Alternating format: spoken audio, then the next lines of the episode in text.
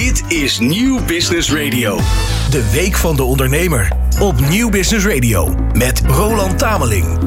Welkom terug op de tweede dag van de Week van de Ondernemer 2023. Deze week hoor je waarom wij met recht trots zijn op de ondernemers van Nederland. Maar we geven ook duidelijke antwoorden op de vragen die je wellicht hebt. Of wellicht, het is wel duidelijk dat ondernemers nog heel veel vragen hebben in, uh, in aanloop naar de Tweede Kamerverkiezingen van morgen. Straks hoor je onder meer Christel van der Ven van de Vereniging Zelfstandige Nederland en Jan uh, Meerman van In Retail. En blikken we terug op de belangrijkste lessen van De Ondernemer kiest. En dat doen we met niemand minder dan Robert van der Ham. De Week van de Ondernemer met Roland Tameling op Nieuw Business Radio. Want gisteren was het uh, grote evenement daar hè, vanuit het ondernemershuis in Den Haag. Robert, de ondernemer kiest met lijsttrekkers en politici uh, en ondernemers uh, over de aanstaande verkiezingen en de, de, de plannen die de partijen hebben voor ondernemers in Nederland. En ook de vragen die leven bij die mensen. de gesprekken van die dag zijn inmiddels terug te zien en te lezen op de website van de ondernemer. Er is behoorlijk wat nieuws uitgekomen ook, zag ik. Um, en jij bent verantwoordelijk vanuit de ondernemer voor het, de hele productie rondom de ondernemer kiest. En uh, we gaan dus uh, ook dit tweede uur nog even de veelbesproken thema's van gisteren um, uh, voorbij laten komen. En een van die thema's was natuurlijk het wettelijk minimumloon. Wat ja, de, de laatste jaren al flink gestegen is. En per 1 januari nog een keertje gaat stijgen. werkgevers hebben daar behoorlijk wat, wat over gedeeld qua meningen. Um, en ja, Joost Eertmans heeft ook een behoorlijk duidelijke statement daarover. Hè? Ja, laten we daar eens gaan kijken, Roland. Gaan we het daarna erover hebben. Heel goed.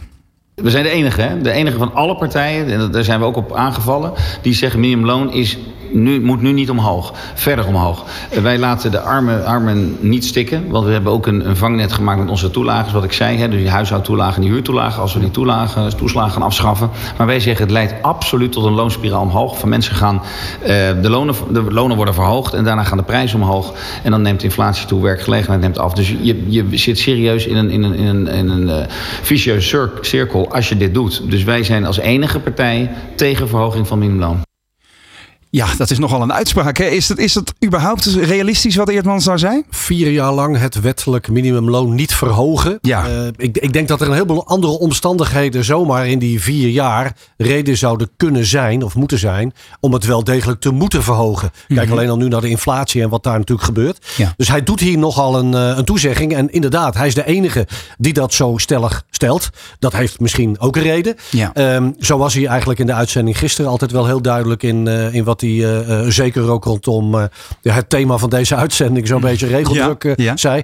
Maar juist ook bij deze, en dit zal natuurlijk de ene doelgroep van zijn partij als muziek in de oren klinken. Maar aan de andere kant een nog grotere groep, de werknemers, ja. helemaal niet.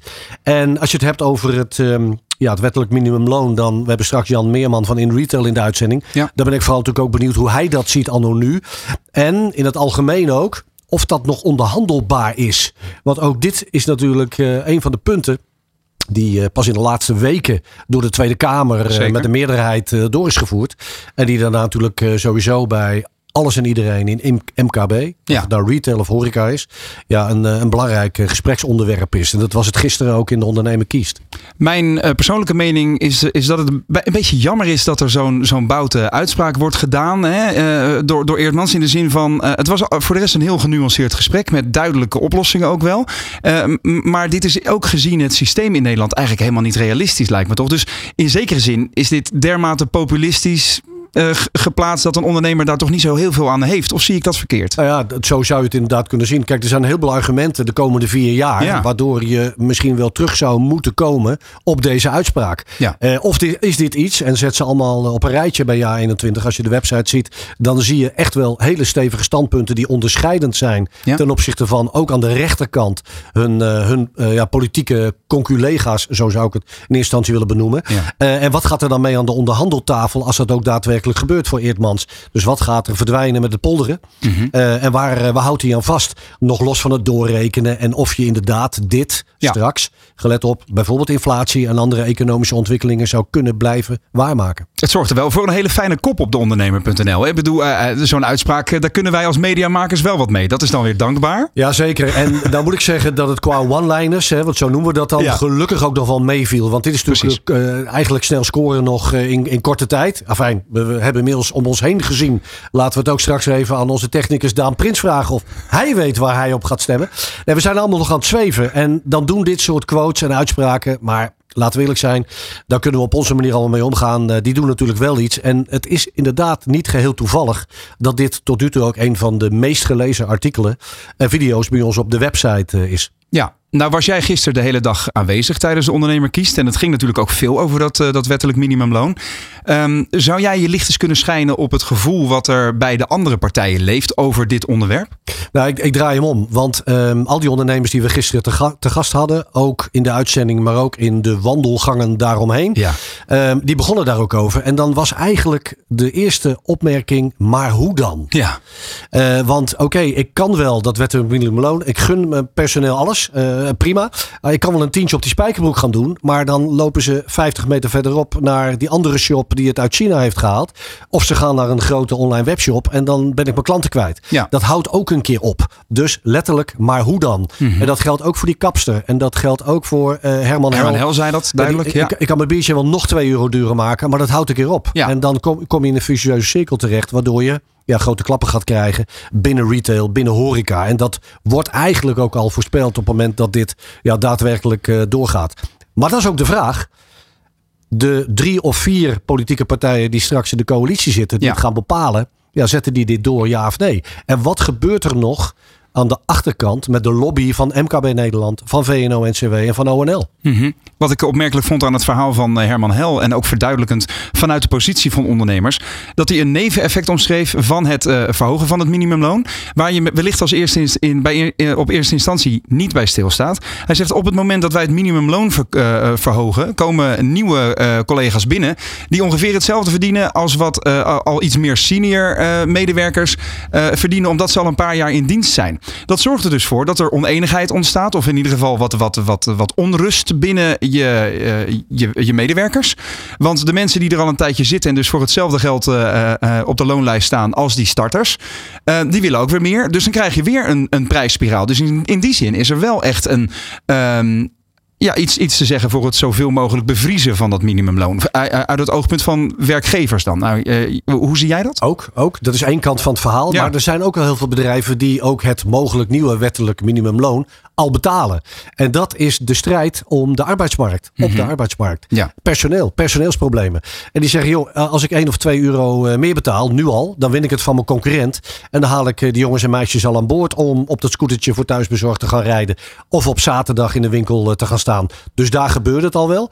Aan de andere kant, en dat hoorden we ook, en dat komt met name terug vanuit de retail. Mhm. Mm -hmm. Oké, okay, A, het is al moeilijk om personeel van mijn winkel te vinden. En B, als dit straks het wettelijk minimumloon wordt, ja, dan kies ik ervoor om toch maar zelf ook op zaterdag te gaan staan.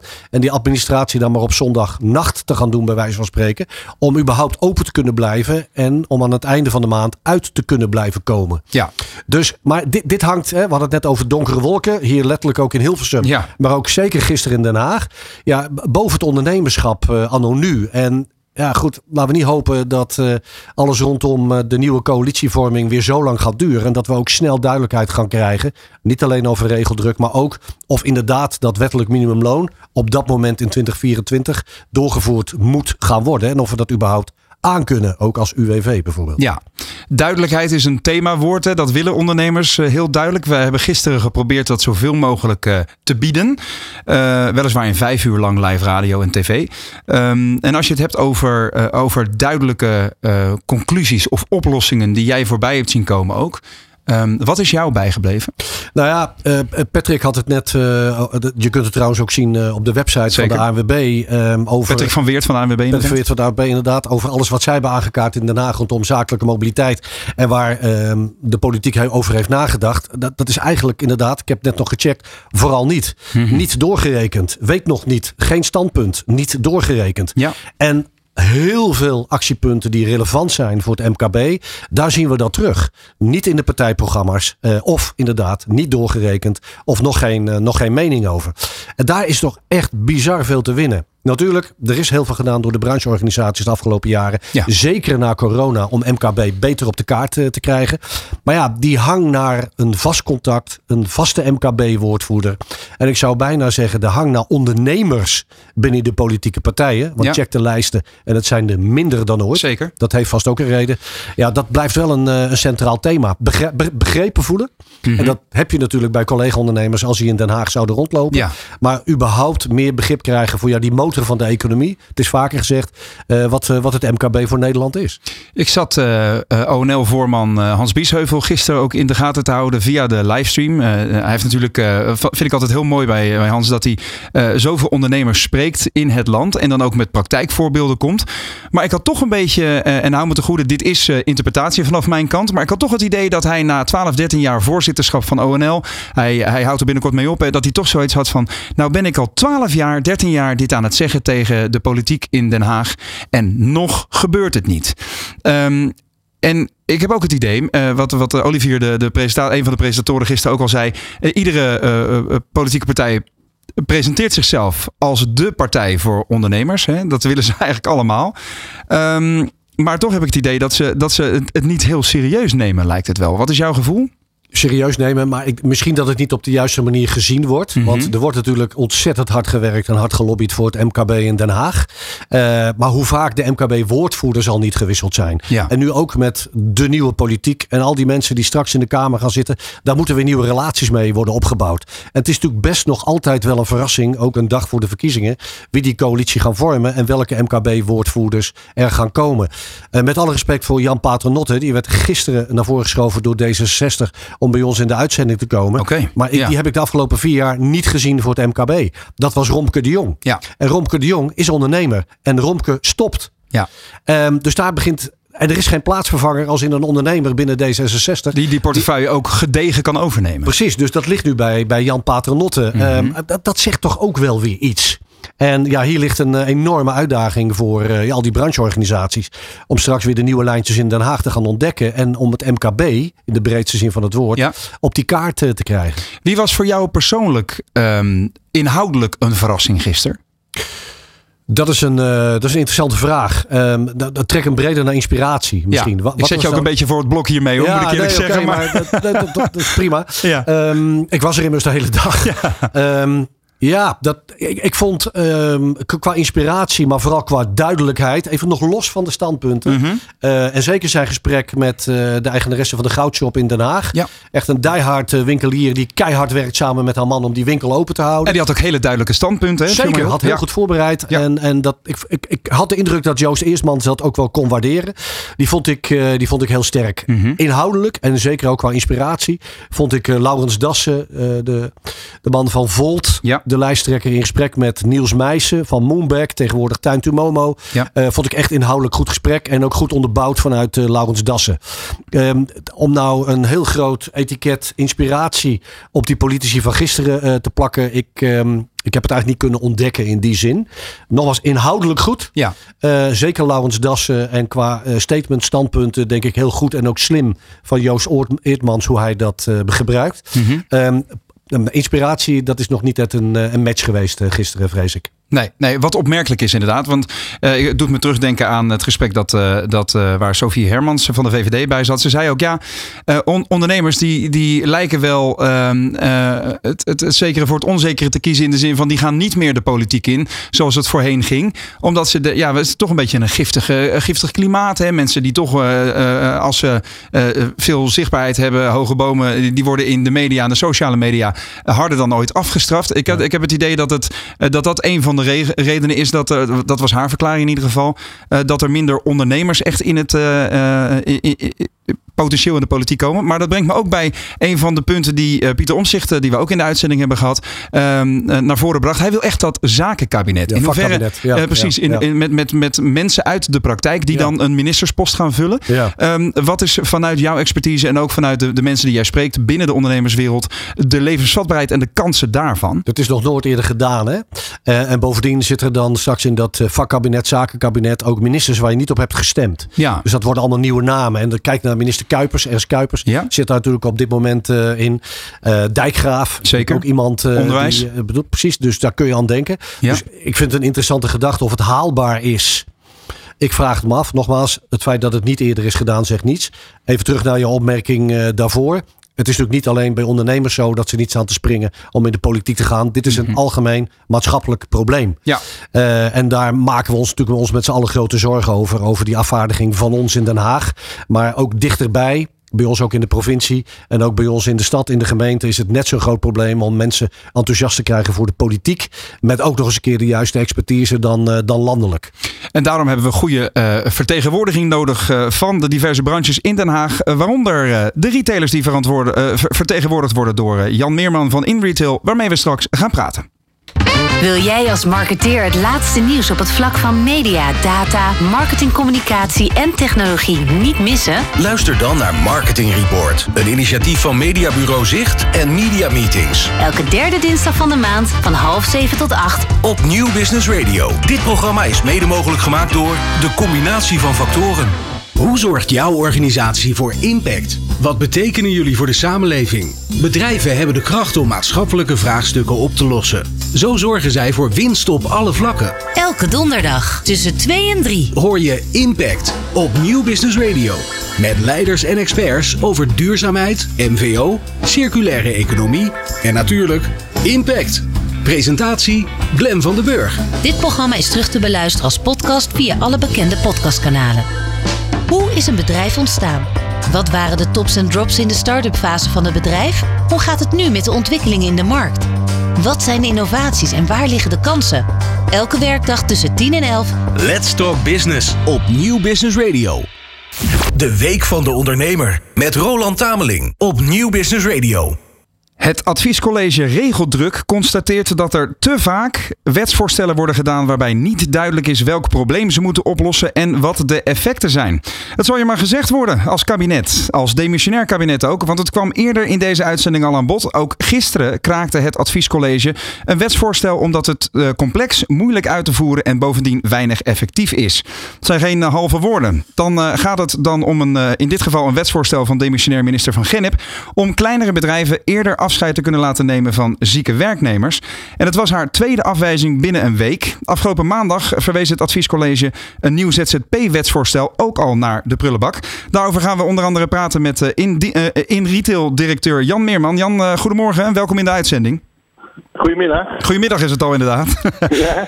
regels, regels en regels. Hè? Daar hebben we het vandaag uitgebreid over. Bijna een derde ervan is nauwelijks uitvoerbaar voor ondernemers. Weten we uit onderzoek. Kun jij het woord regeldruk nog horen? Nee, niet meer. Nee, want we worden natuurlijk al jarenlang worden we, eh, zeg maar door de politiek eh, een beetje in slaap gesukkeld van wij gaan zorgen voor minder regels. En we gaan zorgen dat MKB'ers met name die regels beter kunnen eh, eh, halen. Maar de praktijk is gewoon dat we elk jaar erbij krijgen. En dat Ja. het steeds onmogelijker wordt om als ondernemer ook nog een beetje netjes eh, aan die regels te voldoen. En ehm, we hebben het de hele dag over, eh, over oplossingen en over ehm, nou ja, het, het verlichten van die regeldruk. Jij redeneert natuurlijk vanuit de, de retail in Nederland. Wat zou voor jullie een, een oplossing zijn waar, jullie, waar, ja, waar jouw jouw doelgroep als het ware wel op zit te wachten? Nou ja, kijk, ik, ik denk dat het, het, het- laat ik zo zeggen, mijn oplossing is heel simpel. Praktijk zal misschien iets lastiger zijn, maar wij houden natuurlijk ook gewoon van simpele oplossingen. Hè? Wij bedenken oplossingen die ook praktisch zijn. Kijk, je zou bij elke regel en wetgeving die je maakt, zou je gewoon een MKB-ondernemer van 10, eh 15 medewerkers voor ogen moeten hebben. En dat de toets moeten laten zijn of die regel ook werkt. Uh, en wat we in Nederland uh, heel goed doen, is eigenlijk precies andersom. We bedenken van, van, van, allerlei regels. En dan denken we bij het laatste pas, kan die MKB-ondernemer dat ook nog hebben? En dan moeten er allerlei aanpassingen plaatsvinden. Uiteindelijk is het gewoon een misbaksel wat er ontstaat. Dus laten we nou eens de toets van een regel maken. Een gewone normale MKB-ondernemer, die, het zijn toch de meeste ondernemers in Nederland, hebben tussen de 10 en 20 medewerkers in dienst dat de basis maken van een regel en kijken of die regel dan ook in dat bedrijf toepasbaar is en dat gewoon de norm maken. Eh, Het klinkt heel simpel. Iedereen die het vertelt in de politiek, die is het met je eens. Maar in de praktijk zien we dus helaas dat het gewoon niet gebeurt. Want als we de partijprogramma's inderdaad eh, erbij pakken, Jan, dan zie je het her en der wel terugkomen. Ook bij de partijen die al jarenlang in het, in het kabinet zitten. Um, Wat is jullie visie erop als je die partijprogramma's ziet in combinatie met regeldruk? Nou ja, kijk, wat, wat je ziet, uh, Robert, is ze knuffelen ons voortdurend dood. Hè? en, en dan zal ik het woord dood maar niet al te luguber maken. Maar we hebben het idee van iedereen die heeft in zijn partijprogramma's, maar ook in hun praatjes hebben ze voortdurend. Ah ja, maar wij vinden MKB belangrijk. En nee, we zorgen voor de MKB'er. Wij merken er niet van, Robert. Wij merken er echt niets van. Ook niet bij de, onze welgezinde partijen. Dat het daadwerkelijk in de uitvoering, dat het ook echt werkelijk gebeurt. Dus niet in regelgeving, niet in andere vormen waar je het over kunt hebben. Ja, we worden weliswaar uh, op het podium gehezen dat we zo belangrijk zijn als MKB. Maar uh, ja, we zien het in de praktijk gewoon niet terug. Maar je, uh, Jan, je, je, stelde in principe best een radicale verandering voor. In, in, ja. in, in, zekere zin. Um, waarom heb jij het gevoel dat het wel gaat werken als we het andersom pakken? Dus laten we zeggen dat we uitgaan van NS1, een voorbeeldondernemer die, die het voorgestelde be beleid gaat toetsen. Um, ja. ik, ik kan me zo voorstellen dat de ondernemer die kijkt en luistert naar deze show zegt: Ja, maar mijn collega-ondernemer, daar kan ik best het een en, een en ander van leren. Maar mijn situatie is weer zo anders dan die van hem of haar.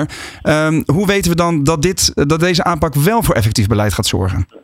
Nou ja, kijk, kijk, er is natuurlijk niet één ondernemer die representatief is voor heel Nederland. Dus je zult bij elke regelgeving moeten kijken van welke ondernemers uh, betreft dit. Ja.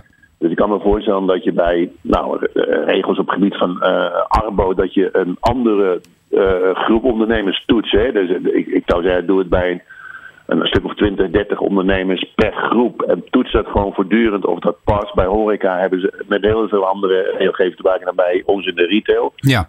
Uh, dus je moet natuurlijk wel kijken naar uh, waar is die wetgeving van toepassing. En er zit natuurlijk, mijn redenering zit er ook iets heel wezenlijks. Namelijk dat wij in Nederland maken regelgeving om, uh, op basis van wantrouwen. Namelijk, hoe kunnen we slechte bedrijven of slechte mensen minder slecht maken? En het gevolg is dat je allerlei regelgeving maakt, regelgeving maakt waardoor goede bedrijven niet meer goed kunnen doen. Mm -hmm. En als we nou eens de zaak zouden omdraaien, want ik ben ervan overtuigd dat 95%, misschien wel 98% van de bedrijven gewoon goed in de wedstrijd zitten. Die willen gewoon de regels op een nette manier toepassen, mits maar ook gewoon past bij de praktijk. Als we dat nou eens als basis nemen, vertrouwen, hè? dus niet het woord wantrouwen, maar mm -hmm. vertrouwen. En al die uh, mensen die zich daar niet in houden, die moet je gewoon drie keer zwaarder uh, penalty geven dan nu. Uh, dus dan, ja, dan bestraf je niet de goede mede mensen, maar je bestraft de verkeerde, maar dan gewoon drie keer zo hard. En als we dat eens concreet maken, welke regelsoorten of regeldruk heeft het, de, de, de, de, de retail het meest in zijn greep, zo gezegd?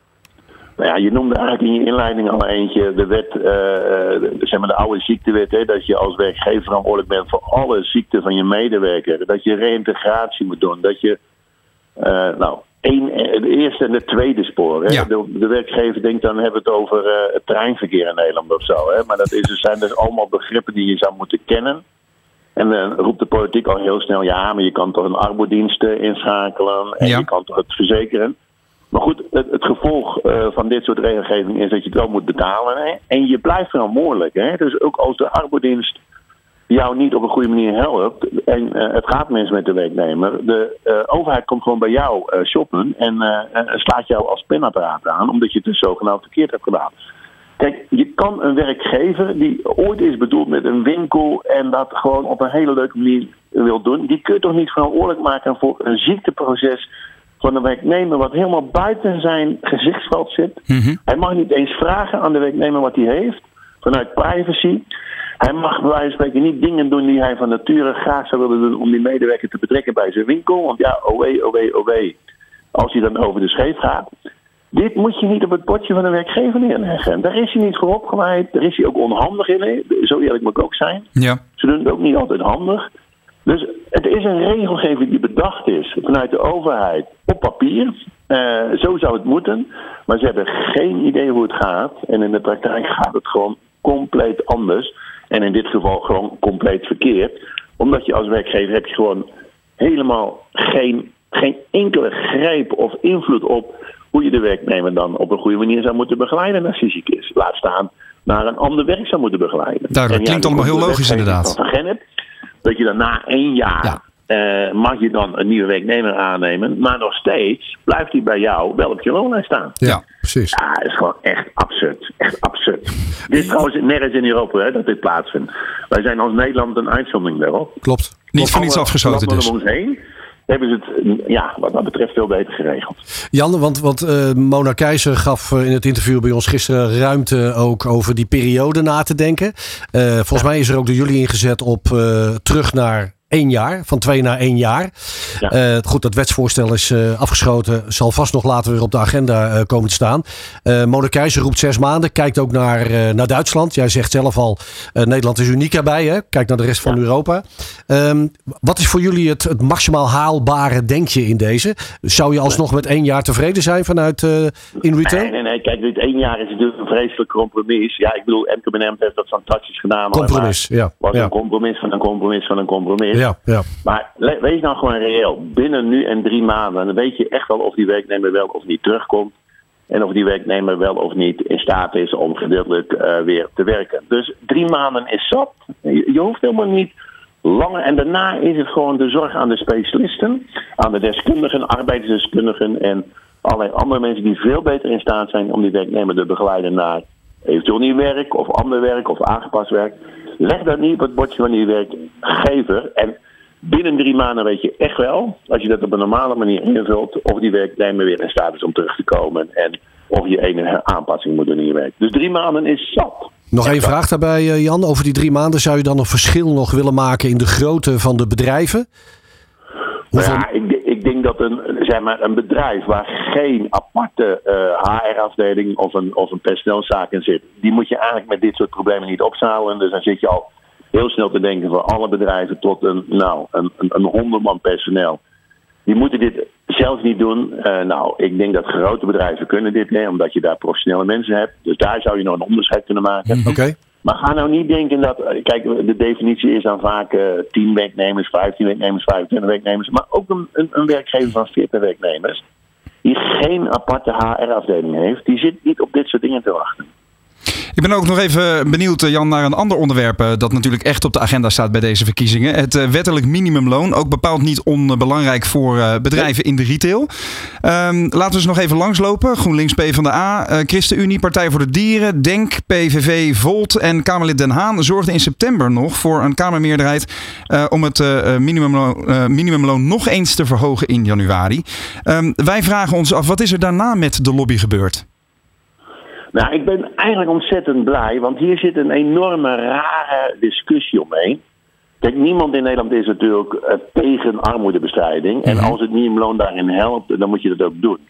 Maar wat de, de politiek totaal niet in de gaten heeft, is dat het loon eh, wat je moet betalen eh, als bedrijf aan een minimumloonwerknemer, betekent gewoon dat je hele loongebouw omhoog gaat. Want ook die werknemer die 5% meer verdient dan een, minimumloon en diegene die 10% meer verdient dan minimumloon en degene die 20% meer verdient als minimumloon, die gaat gewoon bijna automatisch in het percentage mee.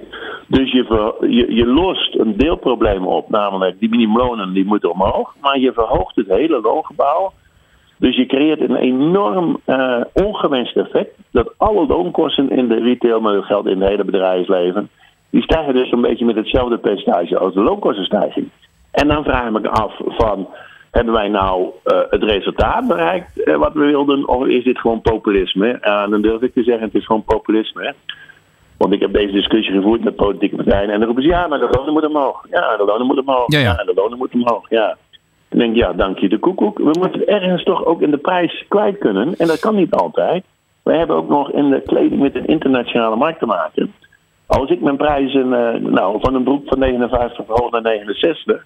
en Amazon doet het niet, Ja. dan heb ik wel een moeilijk probleem hoor. Ja, daar ga je. Ja, want je, je stelde eerder al dat, eh, dat eh, zo'n prijsverhoging in principe in jullie eh, eh, branche eh, de nekslag zou kunnen zijn voor ondernemers. Ehm, eh, d- kun je een voorspelling doen eh, wat er zou gebeuren als dit daadwerkelijk doorgaat?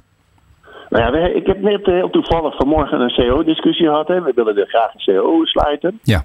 En we hebben uitgerekend dat uh, als wij gewoon de overheid volgen, 1 januari 3,75 weer, 1 juli komt er weer een verhoging bij. De Kamer heeft al gezegd er moet extra 1,2 bij.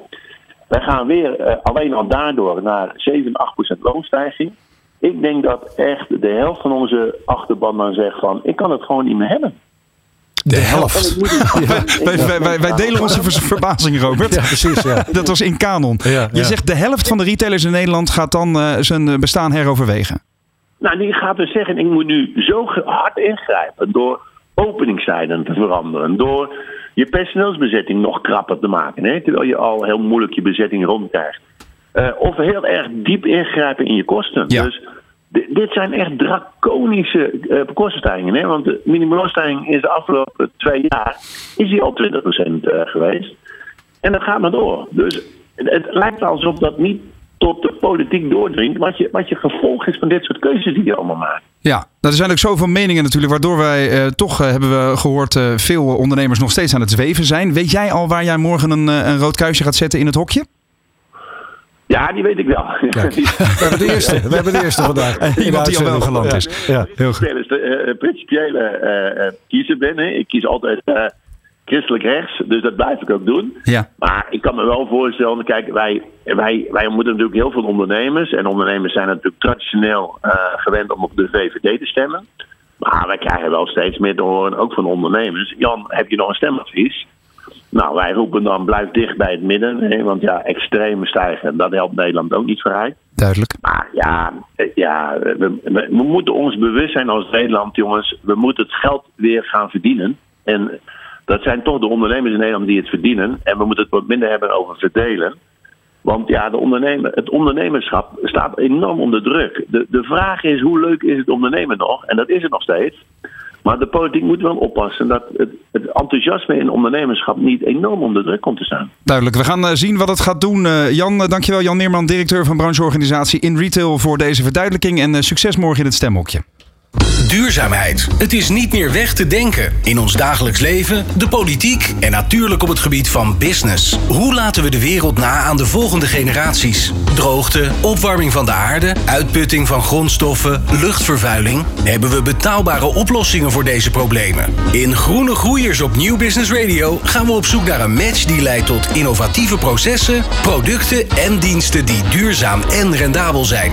We doen dat met het gelijknamige ondernemersnetwerk van VNO-NCW, waarin ondernemers duurzaamheidsuitdagingen aangaan. Groene Groeiers. Met Glenn van der Burg. Hoor je elke tweede vrijdag van de maand tussen 11 en 12 uur op Nieuw Business Radio. Dit programma is terug te beluisteren via nieuwbusinessradio.nl of via podcastkanalen als Spotify, Duke of Apple Podcast. Groene Groeiers wordt in samenwerking gemaakt met provincie Zuid-Holland. Hoe is een bedrijf ontstaan? Wat waren de tops en drops in de start-up fase van het bedrijf? Hoe gaat het nu met de ontwikkelingen in de markt? Wat zijn de innovaties en waar liggen de kansen? Elke werkdag tussen 10 en 11. Let's Talk Business op Nieuw Business Radio. Dit is de Week van de Ondernemer met Roland Tameling. Interessante vraag. Als we een merk zouden hangen aan een politieke partij, welke zou dat dan zijn? En als we een breder trekken naar marketing, wie zou dan met dat stempel de premier van Nederland zijn? Dat leggen we voor aan Thijs van Dijk, een bekende van de ondernemer natuurlijk. Thijs is merkpsycholoog en heeft met name vanuit die expertise de afgelopen weken de politiek gevolgd. Thijs, goedemiddag en welkom in de, ondernemer, de Week van de Ondernemer, mag ik wel stellen. Goedemiddag, Roland.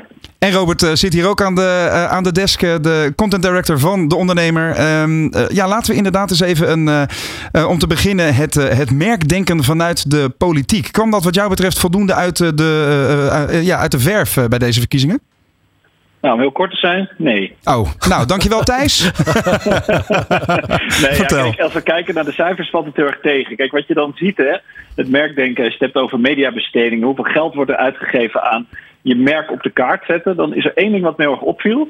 En dat is eigenlijk dat er flink minder besteed is dan in 2021. Om even in het kader van de cijfers. Ja. 2021 rond deze tijd was het rond de 5 miljoen bruto mediabestedingen. Nu is dat nog maar 3,1 miljoen. Dus dat is al 2 miljoen minder.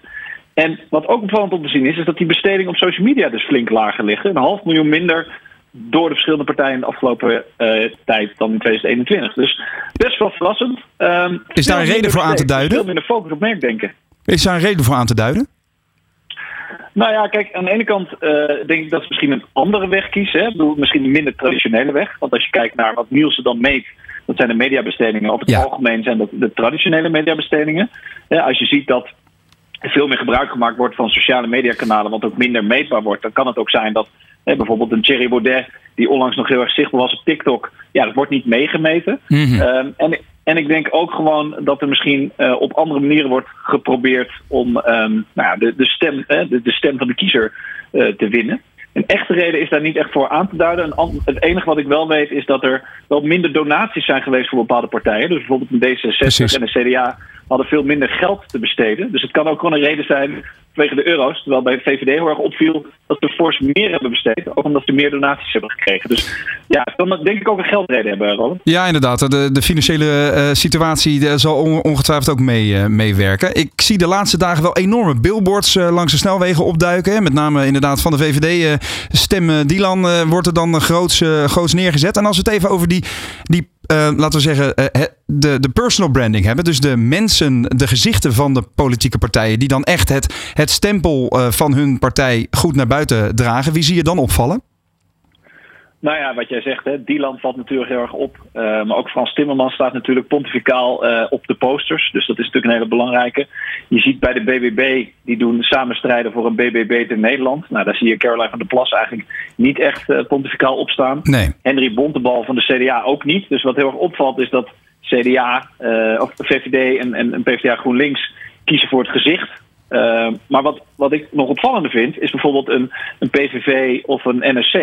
Daar zie je eigenlijk heel weinig van in traditionele media. Als je kijkt naar wat ze besteed hebben, wat ze doen, je hebt het over de billboards ja. of de, de dingen op straat.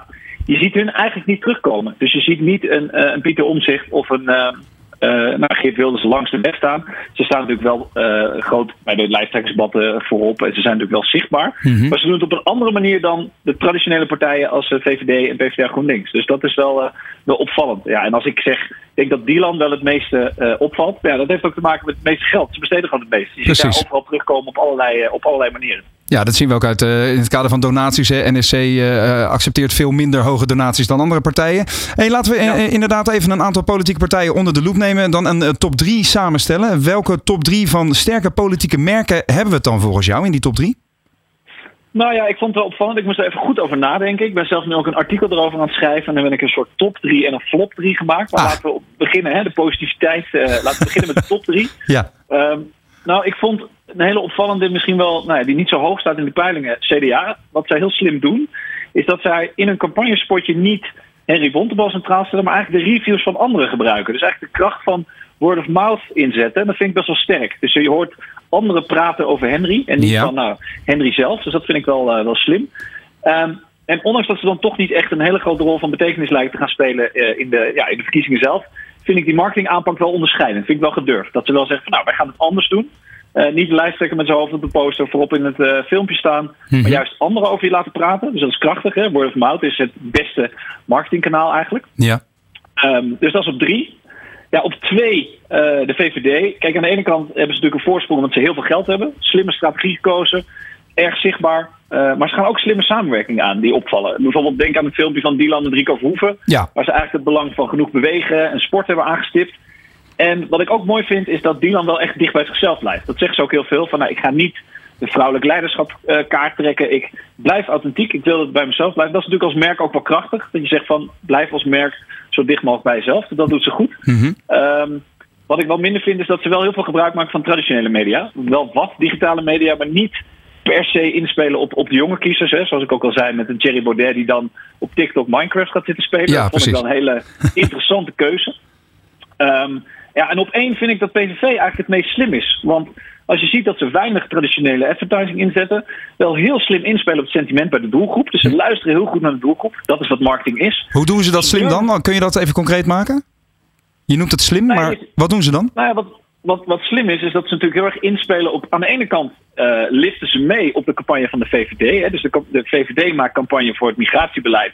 En daar gaat Geert Wilders dan heel slim uh, op in. Mhm. Uh, hij luistert heel goed wat het sentiment is op dit moment in, bij de kiezer. Waardoor hij op, nou, een beetje geruisloos in de peilingen gegroeid is. Zonder dat hij keihard heeft moeten roepen van nou, wij van de PVV doen het zo. Hè, om maar eventjes een, een, een Olido voorbeeld aan te pakken. Ja. Ik zeg van nou, Olido, het kan ook zo. Ehm, dus ja, en, en wat dat betreft uh, zijn ze ook wel weer een beetje flexibel in hun, in een campagne aanpak. Weet je? Ze houden niet vast aan van, nou, dit is hoe we het aan het begin deden. Dus ze zijn daarin ook best wel agile in hun keuzes. En um, ja, maken toch wel impact op die manier. Dat vind ik wel knap. Weet je, als durft de dialoog ook aan te gaan. Mhm. Luisteren naar de kiezers. Uh, ja, en dat lijkt toch succes te gaan opleveren. En in, in een bepaalde vorm hebben ze ook wel een wat gematigder toon gekozen. Hè? Is dat, uh, denk jij, een hele, hele bewuste strategie om meer uh, ja, in, in, in een groter publiek weer in het oog te komen? Absoluut, absoluut. Ik denk dat Geert Wilders heeft ingezien dat zijn strategie van de afgelopen jaren niet gewerkt heeft. Dus dat hij daardoor nu een, ja, zijn tone of voice heeft aangepast. En dat is natuurlijk binnen branding of, of merkstrategie ook heel slim. Hij, hij praat veel meer normale mensentaal, is minder uitgesproken, is gewoon wat menselijker geworden. Hè? Ja. Geert Wilders is echt wat menselijker geworden, waardoor mensen denken: oh, ik vind hem eigenlijk wel sympathiek. Nou, hij is natuurlijk ook altijd een slimme man geweest, een goede, uh, goed in de debatten. Zeker. Hij is Ja. echt, ja, ik vind het echt een merkambassadeur. Dus wat dat betreft heeft hij heel slim ingespeeld van: hé, hey, wat heeft niet gewerkt? Dat gaan we niet nog een keer doen. We gaan het anders proberen te doen. En, en dat, ja, dat lijkt hem toch uh, succes te gaan brengen. Duidelijk. En jij uh, hint al even op een flop 3. Die willen we natuurlijk ook even horen, Thijs. Ja, de flop 3. ja, goed, dat is natuurlijk altijd lastig. Maar kijk, als ik heel eerlijk ben, er zijn natuurlijk een paar partijen uh, ja, die, die in mijn optiek wel echt kansen hebben laten liggen. Laten we even beginnen met Pieter Omzicht. Ik, bedoel, ik ben, uh, ben fan van de man hoe die diep in de materie zit en hoe die in de inhoud zit. Mm -hmm. Maar als je dan kijkt naar merkdenken of marketingstrategie, ja, dan heeft hij daar toch heel weinig kaas van gegeten. Want als je hem, als je ziet wat er mogelijkheden waren met zijn partij en ook door continu maar weer te twijfelen en continu weer te zeggen ja wel, ja toch niet. Ja, dat werkt niet. Er was geen uitgesproken mening, geen uitgesproken merkboodschap. Dus NSC, ja, die staat bij mij wel echt um, laag. Daar hadden ze echt veel meer uit kunnen halen. Met, met, met de kansen die er waren, hebben ze niet gepakt. Duidelijk. Wie doet het uh, iets beter? Wat zeg je? Wie doet het iets beter, nummer twee? Nou, nummer twee, ja, kijk, BB Beter. Hè, die doen het dan iets BB Beter. Kijk, uh, ja. Caroline van der Plas, ze hebben natuurlijk heel lang het momentum gehad. Maar ook dat vind ik wel een hele simpele ja, dat je denkt van de simpele keuze van BBB en dan maken we daar beter van. Dan denk ik echt van ja, welke campagnestratege heeft daar op gezeten? Dat was de Uh, eerste, het, het eerste idee in de vergadering, zou je kunnen zeggen, ja. Ja, dat je echt denkt, nou, we maken een woordgrap met drie B's. Ja, dat, dat, dat is natuurlijk ook niet heel sterk. En je ziet dat ook dat dat echt weinig effect heeft. Ehm, dus wat dat betreft staat die voor mij ja, met recht op twee. Mhm. Maar dan, Ja, en, ja, verrassende, de, de, de flop 1. Ja, kijk, eh, de, de, op flop 1. Ja, eigenlijk is het, eh, op de volgorde is lastig. Maar ik denk echt, ik moet zeggen dat eh een Jerry Baudet, kijk, wat ik, hij gaat natuurlijk wel op TikTok, gaat hij allemaal dingen doen. Maar deze man, die eh, lijkt een beetje de realiteitszin eh, te hebben verloren. Want hij, hij is echt bezig met zijn eigen, nou ja, zijn eigen merkstrategie. Het is bijna de Jerry Baudet-strategie. Ik bedoel, als jij gaat zitten, op TikTok gaat zitten Minecraften en gaat zitten Fortnite met, met jonge kinderen. Ja, eh, dan spreek je toch echt niet de taal van je kiezer. Ja, misschien de, de taal van de kiezer van de, van de toekomst. Maar ja, het wordt, het wordt bijna een beetje slapstick. Ik vind het eh, een slimme keuze dat je op TikTok gaat zitten om te kijken dat je daar onderscheidend bent in, eh, in je mediatype. ja. Maar de manier waarop je dat doet, ja, dat eh, slaat wat mij betreft alle planken helemaal mis. Dus voor mij de FVD op één bij de flop 3, eh, Roland. Duidelijk. En dus Geert Wilders, als ik het begrijp, wat jou betreft de marketingpremier van Nederland. Absoluut, ja. Die heeft het heel goed gedaan. En ja, het is eigenlijk een gevalletje waar er drie vechten om een been. Gaat de vierde er mee heen, lijkt het wel. Dus ja, Geert Wilders, eh slimme merkambassadeur van de PVV. Dus ja, zomaar een onverwachte winnaar van de verkiezingen kunnen worden. Dankzij een slimme marketingstrategie. Duidelijk. Thijs, eh, Thijs van Dijk, dankjewel eh voor deze duiding over de merkpsychologie achter de politici. De Week van de Ondernemer op Nieuw Business Radio. We kijken in deze uitzending tijdens de Week van de Ondernemer nog steeds vooruit naar de Tweede Kamerverkiezingen van morgen. En zodra je in de verkiezingsprogramma's van de verschillende partijen kijkt, valt op hoe verschillend zij aankijken tegen de positie van ZZP'ers in Nederland. De ene partij wil het liefst zoveel mogelijk mensen met een vast contract. De andere noemt zelfstandigen zonder personeel zelfs nauwelijks in hun plannen. Waar sta je dan als ZZP'er? Onder meer daarover gaan we in gesprek met Christel van der Ven, voorzitter van de Vereniging Zelfstandigen Nederland. Eh Christel, fijn dat je in de uitzending bent. Goedemiddag, hallo. Hi, ehm, wat is jouw gevoel? Heb je ZZP voldoende teruggezien in de partijprogramma's? En eh, vooral hoe dan? Nee, ZZP, eh, dat is een onderwerp dat, eh, nou, ik zou bijna willen zeggen, door sommigen zelfs angstvallig vermeden wordt. Dus wat we heel weinig tegenkomen. Maar ik vind overigens dat de hele arbeidsmarkt, de hele arbeidsmarktproblematiek, waar Ja. toch ook de ZZP er onderdeel van uitmaakt, dat dat eigenlijk nauwelijks aan bod is gekomen. Hoe kan dat in vredesnaam? Ik denk omdat het gewoon heel ingewikkeld is. En uh, het is heel erg lastig om daar eigenlijk one-liners over te kunnen uh, hmm. ja, uitkramen of uh, vertellen. Dus ik denk dat een heleboel ja, campagnestrategen hebben gedacht: die arbeidsmarkt, dat is zo'n ingewikkeld vraagstuk. Weet je wat, dat doen we gewoon wel op het moment nou ja, dat we weer een coalitie hebben en weer met elkaar aan de slag moeten. Daar zit hem in, uh, Christel. Je zit inmiddels ook in de SER, in de Sociaal-Economische Raad. Ook met uh, VZN uh, als vertegenwoordiger van alle zelfstandigen in Nederland. Ja, mm-hmm. de politiek zou nu toch langzamerhand wel moeten inzien dat we 1,2, 1,3 miljoen ZZP'ers in Nederland hebben. En dit een hele belangrijke doelgroep is. En dat is bij nog een understatement gelet op morgen. Ja, nou dat vind ik inderdaad dat men dat ook zo langzamerhand wel zou, uh, zou moeten weten. En ik geloof ook wel dat ze het weten. Hè. We hebben echt uh, twee, drie weken geleden hebben we nog een hele belangrijke conceptwet uh, ter internetconsultatie mogen inzien. Ja. nou, dat is toch eigenlijk een, een conceptwet waarbij men wilde aansturen op het, nou ja, toch um, nou, niet, niet verbieden, maar wel ja, enorm inperken van het aantal ZZP'ers. Er is ongelooflijk veel reactie opgekomen van die ZZP'ers zelf, maar ook van hun opdrachtgevers. En ook van een aantal juristen die zeggen: dit is eigenlijk niet mogelijk, want de ZZP'er ja, die is hier to stay. We moeten een aantal dingen wel beter reguleren, maar we moeten vooral niet willen eigenlijk allerlei mensen weer uh, terug het hok uh, instoppen. Uh, dus ik ben ook heel erg benieuwd of die conceptwet überhaupt doorgang gaat krijgen. Uh, maar het verbaast mij. En daar heb ik ook uh, onder andere op de ondernemer ook een blog over geschreven. Hè. Hoe kan het nou toch zo zijn dat je eigenlijk 1,2 miljoen kiezers, nou, als het ware, links laat liggen? Dat je er maar niks over zegt. Terwijl het allerlei ondernemende mensen zijn die heel graag willen werken zoals ze werken. Uh, maar er is geen enkele politieke partij die zich ja, heeft opgeworpen als warm pleitbezorger voor de ZZP'er. En als we hem dan eens omdraaien, want wij proberen altijd de inspiratie, duidelijkheid en, uh, en uh, ja, het kaf van het koren te scheiden uh, voor de kijker en luisteraar van deze show.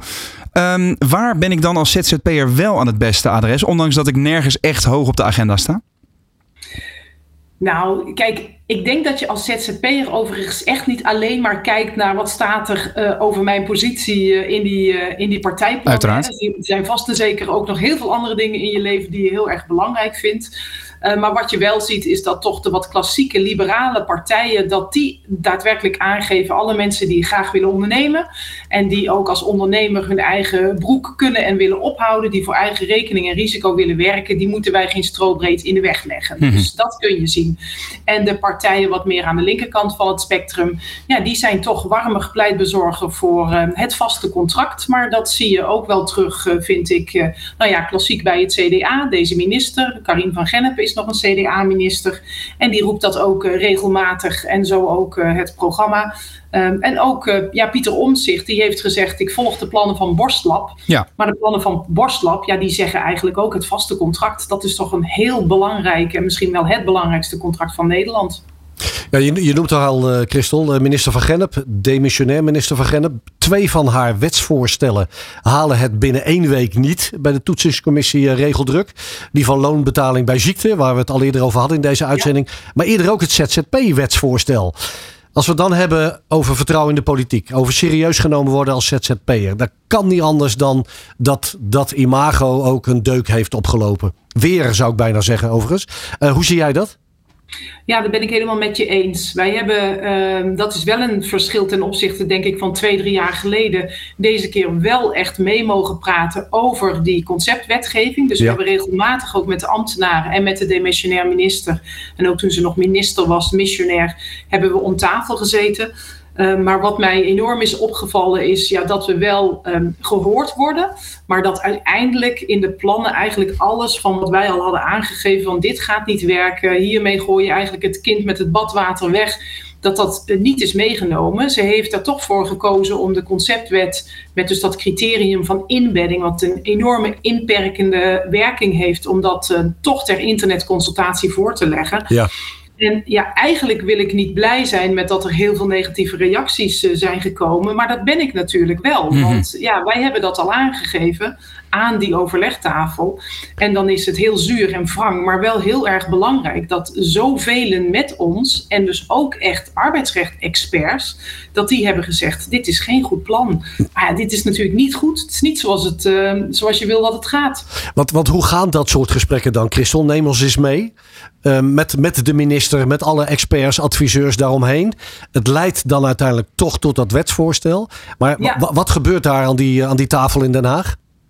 Nou, kijk, er gebeurt natuurlijk ongelooflijk veel door de ambtenaren. Dus die doen heel veel voorwerk. Uh, daar heb je ook al vaker contact mee. Dus die leggen wat dingen aan je voor. We denken daaraan, we denken daaraan. Kijk, zij zijn natuurlijk wel onafhankelijk. Dus uiteindelijk maken zij hun eigen wetsvoorstel. En aan de tafel met de minister ja, probeer je vooral gewoon heel kort en bondig en puntig. En ook heel duidelijk aan te geven van wat zijn nou elementen in die plannen waarvan wij ook weten vanuit onze achterban. Daar is draagvlak voor. En die plannen gaan ook werken. Mm-hmm. En wat zijn nou de elementen waarvan we eigenlijk al weten van ja, dit, dit gaat wederom een hoop ellende bieden. Uh, en dit gaat zeker geen oplossing uh, geven. Nou ja, en, en, dat, en dat, daar heb je dan ongeveer met z'n allen een uurtje de tijd voor. Dus zo moet je dat zien. En hoe frustrerend is het dan voor jullie uh, als Vereniging Zelfstandige Nederland en jij als vertegenwoordiging daarvan, uh, dat, dat het, uh, dat is ook een beetje interpretatie vanaf mijn kant dan, maar dat die, ja. die, die standpunten dan toch een beetje in de wind worden geslagen. Ja, Roland, jij bent ZZP'er. Ja. Ik bedoel, ja. als je dit hoort, laten we eerlijk zijn, nou ja, hoe serieus maar, voel je je nog genomen dan? Nou ja, dat is denk ik een van de punten waarbij veel kiezers spaak lopen in, hun, in hun blik richting Den Haag. dat, dat ze de praktijksituatie van ons vaak niet, niet begrijpen, denk ik. Hè? Maar um, uh, en ik, ik, zag ook wel heel duidelijk dat de diverse politici een, een onderscheid maken tussen zelf gekozen ZZP'ers. Ik vind het heerlijk om zelfstandig te zijn. Uh, maar ook een soort van gedwongen ZZP'ers in de zorg, in het onderwijs en dergelijke. Die ook vanwege het systeem dan maar ZZP'er zijn geworden, omdat het nu eenmaal zo werkt. Um, ben ik ook nog even benieuwd, Christel.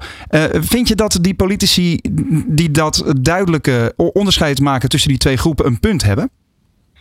Uh, ja, daar hebben ze wel degelijk een punt, uh, vind ik. Alleen uh, er is onlangs onderzoek uitgekomen waaruit blijkt dat 2,7% van de huidige zelfstandigen zonder personeel zegt van ik zou dat liever niet willen zijn. Okay. Dus wat me wel opvalt is dat um, zeker in de politiek dat eigenlijk de groep gedwongen zelfstandigen, ja, die maakt men vele malen groter qua aandacht, maar ook in hun hoofd dan um, dat ze daadwerkelijk zijn. En ja, wat mij frustreert is dat we eigenlijk ons steeds maar richten op die kleine groep. Ik vind overigens ook dat we daar echt iets voor moeten organiseren. En mm-hmm. het rechtsvermoeden van werknemerschap is daar volgens mij een prima voorstel voor. Dus wat de minister heeft gedaan, dat is niet alleen maar slecht. Dat vind ik zeker wel degelijk heel goed. Uh, maar wat we gewoon steeds maar niet doen, is eigenlijk ja, de realiteit gewoon in de ogen kijken. Er zijn ongelooflijk veel mensen die heel erg graag en goed werken als zelfstandigen die uh, hun eigen marge um, maken, die daarvan kunnen leven, die daarvan uh, iets opzij zetten voor hun arbeidsongeschiktheid en voor hun pensioen. En op een of andere manier willen we maar niet accepteren dat dat eigenlijk een moderne en nieuwe manier van werken is. Um, en ik vind het ontzettend jammer en frustrerend. En ik zie ja, deze verkiezingen toch ook alweer als nieuwe ronde, nieuwe kansen. ja. Uh, dat we daar eens met elkaar over gaan nadenken. Hoe passen we eigenlijk de arbeidsmarktwetgeving aan op de realiteit en de praktijk van alle dag. Namelijk dat er heel veel mensen zijn in Nederland die met alle liefde en plezier aan het werk zijn en dat willen blijven. Maar wel op de manier die bij hen past. En voor heel veel mensen is dat als zelfstandige. Duidelijk. Dan was er gisteren nog een ander nieuwtje. Hè? Want uh, nu.nl kopte. De rechter bekijkt of ZZP'ers tijdens de pandemie genoeg coronasteun hebben gekregen. Ik vroeg mij meteen af, wat is daar dan aan de hand? Kunnen wij als ZZP'ers compensatie verwachten? Um, nou, dat is natuurlijk helemaal afhankelijk van de uitspraak van de rechter, ja. waar ik wel heel erg nieuwsgierig naar ben. Een collega belangenbehartiger, de werkvereniging, die heeft namens vier zelfstandigen heeft zij een claim ingediend, hebben zij een claim ingediend richting de staat, waarbij zij zeggen dat uh, zelfstandigen uh, veel te weinig steun hebben gekregen ten opzichte van werknemers. Mm -hmm. Dus er was voor werknemers heel veel geregeld en voor zelfstandigen eigenlijk niets of uh, nauwelijks iets. Um, en dat hebben wij natuurlijk ook al veel vaker aangegeven. Hè? Kijk, de ondernemer, maar niet alleen de zelfstandige overigens, ook gewoon de MKB-ondernemer. Eigenlijk iedereen die niet in loondienst was. ja, die is er ongelooflijk bekaaid van afgekomen in de coronatijd. Want voor de duidelijkheid, zelfstandige ondernemers zonder personeel die werden tot bijstandsniveau gecompenseerd hè, voor inkomstenverlies door de lockdowns. Maar werknemers in loondienst behielden uh, via die coronasteun hetzelfde netto besteedbare inkomen. Dus dat is in principe nogal een verschil. Ja, dat klopt. Maar uh, voor die werknemers moesten hun werkgevers, en dat waren ook heel vaak MKB-ondernemers, ja. overigens ook zelf nog een deel bijleggen. Dus ik sprak gisteren ook nog wel een MKB-ondernemer. Die is van zes medewerkers naar uiteindelijk ZZP-schap gegaan. Omdat hij ja, het allemaal niet meer kon bolwerken na corona. Dus eigenlijk alle ondernemers, uh, zowel de midden, de klein als de eenpitters, die zijn in de coronatijd door de overheid echt heel slecht gesteund. Dus dat is absoluut iets wat wij ook heel erg aangeven. Uh, ik ben wel heel benieuwd hoe er wordt gekeken door de rechter natuurlijk naar um, het onderscheid zelfstandige en uh, werknemer. Want volgens mij is de claim, ik, heb hem niet ingediend, dus ik weet niet precies hoe die zit. Nee. Maar is vooral dat werknemers worden bevooroordeeld ten opzichte van zelfstandigen. Ja, um, en ja, daar ben ik wel heel benieuwd naar. Want wij zeggen natuurlijk zelf ook wel, kijk, een zelfstandige is ook echt wel iets anders dan een werknemer. Ja. Um, ja, dat is maar, de claim ja, inderdaad. Ik ga echt ja. rijkhalsend uitkijken naar uh, datgene wat de rechter uh, um, ja, straks gaat zeggen hierover. Want wij krijgen ook nog steeds vanuit onze achterban uh, echt nog wel de signalen door dat een aantal zelfstandigen ja, nog steeds enorm aan het terugkomen zijn. Uh, uh, omdat ze allerlei schulden hebben moeten maken. Veel ook privé-schulden. Of ja. hebben moeten lenen bij buren en vrienden en familie. Ja, en die uh, zijn natuurlijk wel heel erg benieuwd van... had ik achteraf recht op meer? Want ja, dan kunnen we denk ik de claims verwachten. Maar ja, eerst de uitspraak van de rechter. Ja, inderdaad. Want er wordt dan inderdaad gezegd...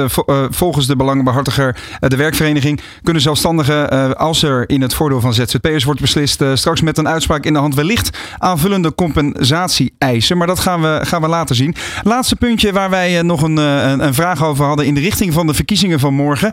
Um, de AOV, zie je die ja. nog op de politieke agenda staan? Ja, die staat wel op de politieke agenda. Want uh, uh, we begonnen er eigenlijk mee om te zeggen dat uh, ZZP'ers en de arbeidsmarkt dat die niet echt terugkomen in de, in de verkiezingsplannen.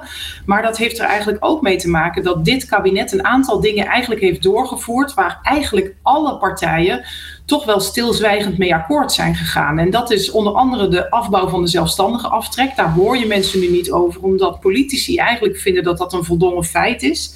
En hetzelfde geldt voor de verplichte arbeidsongeschiktheidsverzekering voor zelfstandigen. Ja. Ik ga er persoonlijk niet van uit dat die nog van tafel gaat. We zijn daarover wel ongelooflijk in gesprek over hoe moet dat ding eruit komen zien. Hè? Okay. Want als je verplicht moet gaan betalen, dan wil je natuurlijk ook dat het ook echt een goede verzekering is. Ja die ook echt fungeert als een vangnet op het moment dat je hem nodig hebt. Um, maar die gaat niet meer van tafel. Um, dat uh, verwacht ik niet meer. En, en dat betekent, Christel, uh, is het uitgangspunt dan ook voor jullie in de onderhandelingen nog die 225 euro en 2024? Of is daar dan onderhandeling als in rek, zowel in bedrag als in uh, tijdspannen?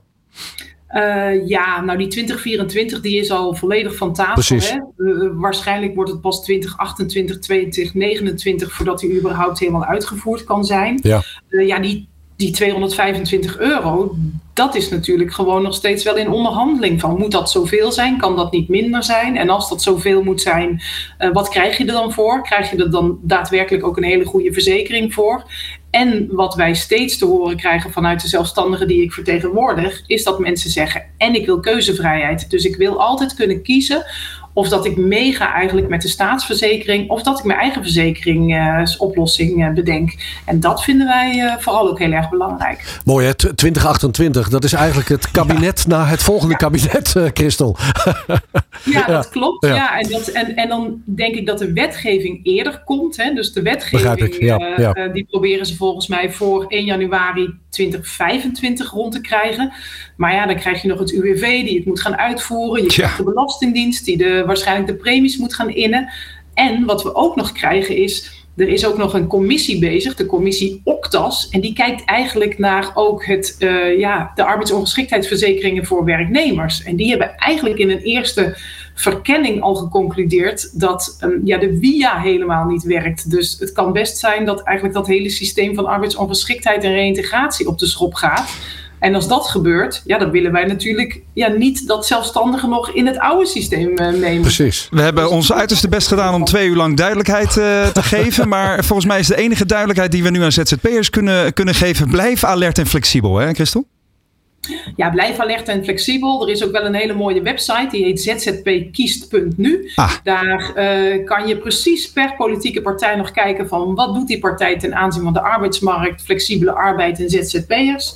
Uh, en ja, wat ik eigenlijk tegen alle zelfstandigen zeg, zorg ervoor dat je niet afhankelijk bent van de overheid. Hè? Zorg ervoor dat je gewoon mooie opdrachten binnenhaalt, dat je uh, goede omzet draait, dat je let op je marge, dat je dingen goed voor jezelf regelt. Ja, wie kan jou dan wat maken? Heel goed, nou dankjewel. Ik, ga, ik hoop dat ik morgen nog terug mag komen als presentator van de derde dag van de Week van de Ondernemer. Dus als ZZP'er ja. vind ik dat interessant. ja. Dankjewel Christel van der Ven, voorzitter van de Vereniging Zelfstandigen Nederland voor deze duiding. De Week van de Ondernemer op Nieuw Business Radio. En dan uh, inderdaad gaan we morgen met dag 3 door van de Week van de Ondernemer 2023. Dan op de dag van de Tweede Kamerverkiezingen. Daar hoor je natuurlijk meer over. Maar we gaan ook uitgebreid in gesprekken met Martijn van Lieshout van Vodafone. Over de kansen die je kunt pakken als je de digitalisering van je bedrijf goed aanpakt. En ik heb het voorgesprek al gehad. Dat wil je zeker niet missen. Want daar ga je een hoop van leren. Dat en meer hoor en zie je dan. Tot die tijd kun je deze uitzending uiteraard uh, terugkijken via deondernemer.nl en ons YouTube kanaal. Of terug luisteren via je favoriete podcastkanalen. Graag tot de volgende. Dit is de Week van de Ondernemer